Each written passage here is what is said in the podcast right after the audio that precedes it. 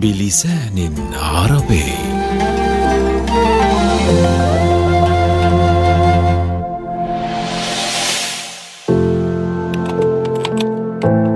سأصنع للوطن انعكاس الماء وأعطيه حقه من النرجسية.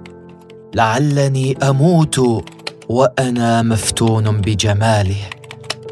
الوصايا العشر لأي شهيد. تسعة لا تجعلوا مني رقما من الأرقام. تعدوه اليوم وتنسوه غدا.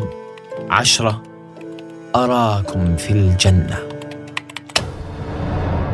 بين عشية وضحاها تحول الشاب بهاء عليان وفي عامه الثاني والعشرين من ناشط ومثقف ينقل أخبار الوطن وحبه عبر الفضاء الأزرق الإلكتروني إلى بطل الجبل. يقول أصدقاؤه إنه صاحب الفضل في مشروع دخل جينيس كأطول سلسلة قراءة حول العالم بتجميعه لسبعة آلاف فلسطيني قارئ حول أسوار القدس. استيقظ باهاء في صباح يوم ثلاثاء وارتدى ملابسه الأنيقة فقد كان مدعوا لزفاف أحد أصدقائه يداعب أمه وهي تساعده في أزرار القميص. زبطي لي إياهم يما أنا رايح على عرس.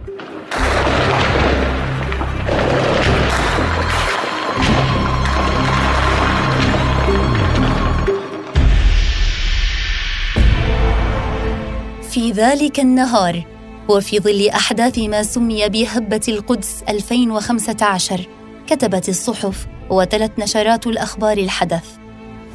وقعت صباح اليوم الثلاثاء عملية إطلاق نار وعملية طعن داخل حافلة ركاب في مستعمرة أرمون هانتسيف بالقدس الشرقية.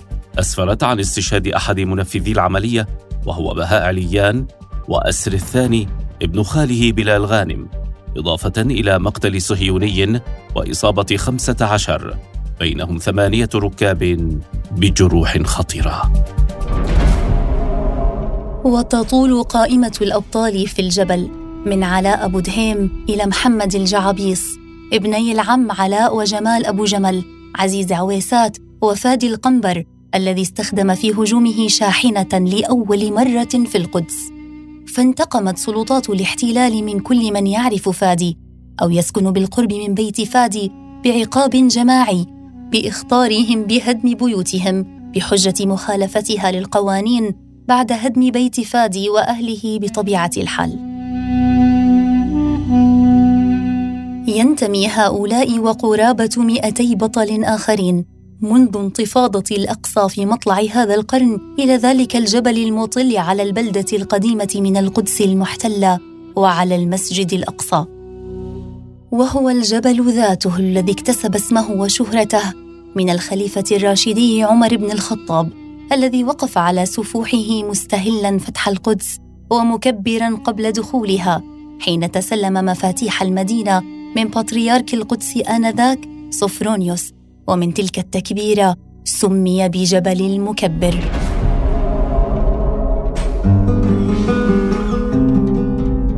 لجبل المكبر أسماء أخرى فيسمى بجبل المؤامرة.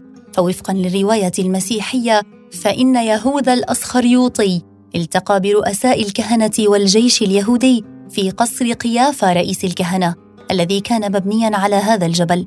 وفيه تآمروا على قتل المسيح عيسى عليه السلام وسمي بجبل الحديدية لوقوعه إلى الشرق من سكة الحديد التي تم إنشاؤها في العهد العثماني في أواخر القرن التاسع عشر خط يافا القدس. وكانت من أوائل سكك الحديد في الشرق الأوسط وتم ربطها مع سكة حديد الحجاز لاحقاً. ويلقبونه بالجبل الثوري لوجود ضريح أبي ثور بالقرب منه. وأبو ثور رجل متصوف. قيل أن له كرامات وكان ممن جاهدوا مع صلاح الدين الأيوبي في تحرير بيت المقدس.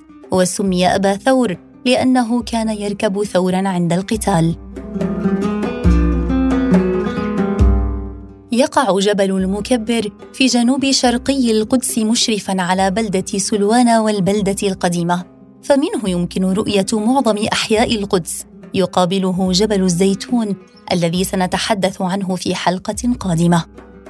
يعيش في جبل المكبر اليوم ما يقرب من عشرين ألف فلسطيني وغالبية سكانه مزيج من قبائل وعشائر قرى العبيدية والسواحرة المحيطة بالجبل. ويتميزون بعلاقات عائلية واجتماعية وثيقة فيما بينهم. كما ترجع أصول البعض أيضا إلى من جاءوا فاتحين للقدس مع جيش صلاح الدين الأيوبي من أهل العراق.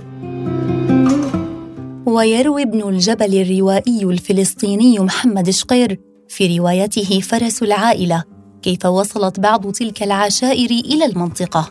فالشيخ عبد الله في الرواية هو مختار العشيرة الذي صارع الغرباء على نبع الماء فقتل عند النبع ولم يغنم به حتى صار حفيده منان مختارا للعشيرة. فنقل العشيره إلى ضواحي القدس وتحول البدو في العشيرة إلى فلاحين حين سكنوا قرية راس النبع عند جبل المكبر. الانتداب البريطاني وفي عهد الانتداب البريطاني اختار المندوب السامي آنذاك إقامة مقره الذي صار دارا لحكومة الانتداب على جبل المكبر لموقعه المشرف على بقية المدينة فكتب الشاعر الفلسطيني الراحل عبد الكريم الكرمي أبو سلمى والحائز على جائزة اللوتس العالمية قصيدة عبر فيها عن شعور كل فلسطيني وقتها. يقول في مطلعها جبل المكبر طال نومك فانتبه قم واسمع التكبير والتهليل. جبل المكبر لن تلين قناتنا حتى نهدم فوقك البستيلا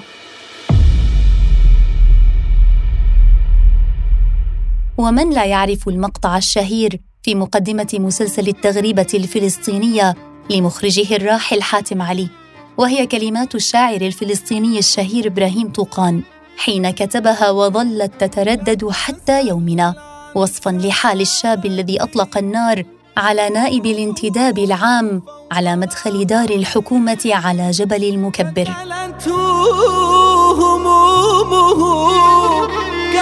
كفنا من وسادتي. كما أنشأت حكومة الانتداب الكلية العربية والمدرسة الزراعية اليهودية في الجبل أيضاً. وقبل مغادرة المندوب السامي البريطاني لحكومة فلسطين بعد حرب عام 1948 وتسليم البلاد للصهاينة وضع دار الحكومة على جبل المكبر والكلية العربية. تحت تصرف منظمة الصليب الأحمر الدولية والتي اشترطت يومها ألا يقيم في المنطقة المسلحة أي شخص في سن الجندية. ولكن الصهاينة انتهكوا الاتفاق وتسللوا إلى جبل المكبر فتصدى لهم المناضلون العرب وساندتهم مدفعيتا الجيش الأردني والمصري. فتراجع الصهاينة إلى مبنى المدينة الزراعية اليهودية. وعادوا في نفس اليوم واحتلوا الكلية العربية وحاولوا حرق كتبها آنذاك. فتمكن الشاب أحمد هرماس وكان يومها موظفا في دائرة المعارف من إنقاذ المكتبة. ونقل ما يقرب من ثلاثة عشر ألف كتاب منها. ثم تحولت دار الحكومة إلى مقر هيئة الأمم المتحدة لمراقبة هدنة وقف إطلاق النار بين العرب والصهاينة في ذات العام على اعتبار أنها أول عملية لحفظ السلام من جانب الأمم المتحدة. ولما احتل الجبل مع بقية ما تبقى من فلسطين في السبعة وستين بقي مقر الأمم المتحدة موجودا حتى اليوم وتحت سلطة الاحتلال ناسيا أو متناسيا ربما أنه كان مشرفا يوما على هدنة بلها هو وشرب ميتها كما نقول. جدار الفصل العنصري. في مطلع القرن الواحد والعشرين وبعد انتفاضة الأقصى بدأ الاحتلال الصهيوني بتنفيذ بناء جدار الفصل العنصري وتقطيع أوصال المناطق الفلسطينية. فنالت المنطقة الجغرافية التي ينتمي إليها جبل المكبر نصيبا من هذا الفصل العنصري. فظل الجبل والسواحرة الغربية جزءا من القدس. أما السواحرة الشرقية وتحديدا حي الشيخ سعد الواقع على سفوح جبل المكبر فتم اقتلاعه من لحمة المكبر واعتباره من مناطق الضفة الغربية. فقطع الاحتلال بجداره وحواجزه الإسمنتية أوصال العائلة الواحدة قصرا وحرمها من التنقل بين الجانبين إلا بإذنه. وبات الشبان والفتيات من جبل المكبر يعزفون عن الزواج من فتيات وشباب حي الشيخ سعد. فأهل الجبل يحملون هوية القدس الزرقاء وأهل الحي يحملون هوية الضفة مما يصعب معاملات لم الشمل والتصاريح وتسجيل المواليد. وهو مشهد مصغر يذكر بما يحصل بين أهالي هضبة الجولان السوري المحتل ووطنهم الأم سوريا بسبب ذات المحتل. ويهدف الاحتلال بذلك إلى إحاطة المنطقة وسكانها بالمستوطنين وفصل التجمعات السكانية عن بعضها وتحديدا عن سلوان والبلدة القديمة وقطع التواصل الجغرافي ما بين القدس والضفة الغربية. ففي قلب الجبل ورم سرطاني يتوسع يوما بعد يوم مستوطنة نوفتسيون التي صدرت من أراضي سكان جبل المكبر. ويسعى الاحتلال إلى تحويلها إلى أكبر مستوطنة في القدس بالإضافة إلى مستوطنة هرمون هنتسيف التي تلتهم قسما من أراضي الجبل وقرية صور باهر الكلية العربية في القدس. لم يكن بالإمكان إنهاء هذه الحلقة والحديث عن جبل المكبر دون التوقف عند الكلية العربية في القدس. فقد كانت بزمنها المؤسسة التعليمية الأعلى في فلسطين وجدرانها الحجرية شهدت تخريج أجيال من المثقفين والمربين الفلسطينيين والعرب المبدعين. ولو نجت الكلية من زلزال النكبة لربما صارت جامعة مرموقة اليوم. فقبل نهاية الانتداب توسعت الكلية وأصبح خريجوها مؤهلين للحصول على درجة البكالوريوس من جامعة لندن. وحصل الكثير منهم على منح دراسية لمتابعة دراساتهم العليا في بريطانيا. ويروي قسم ممن تخرج من الكلية في مذكراتهم كيف كان يسود جو من المنافسة الشديدة في موسم الامتحانات. فبعضهم كان يتسلل خلسة في الليل إلى غرف الصف للدراسة بعد الساعات المقررة. وقد غطوا الشبابيك بالشراشف لئلا يصل الضوء إلى مدير القسم الداخلي فيعاقبهم. والبعض كان يدفن رأسه داخل غطاء سريره فيفتح كتابا على نور الفانوس ويقرأ في ساعات الليل المتأخرة.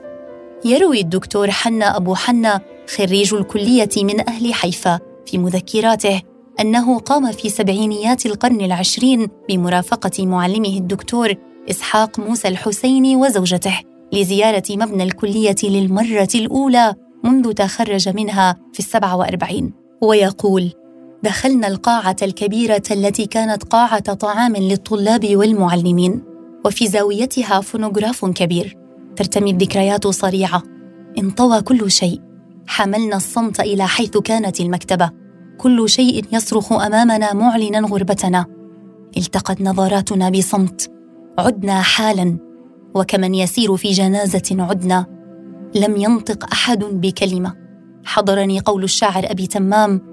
لا أنت أنت. ولا الديار دياره.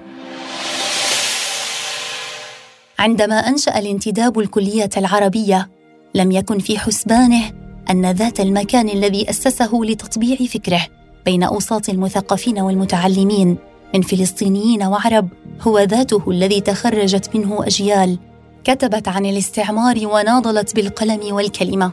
فالمؤرخ السوري نقول زيادة كتب في مذكراته حين كان استاذا في الكلية عما كان يحث به طلاب الكلية في الرحلات والأنشطة فيقول لهم تحبون بلادكم بقدر ما تقرؤونها بأرجلكم.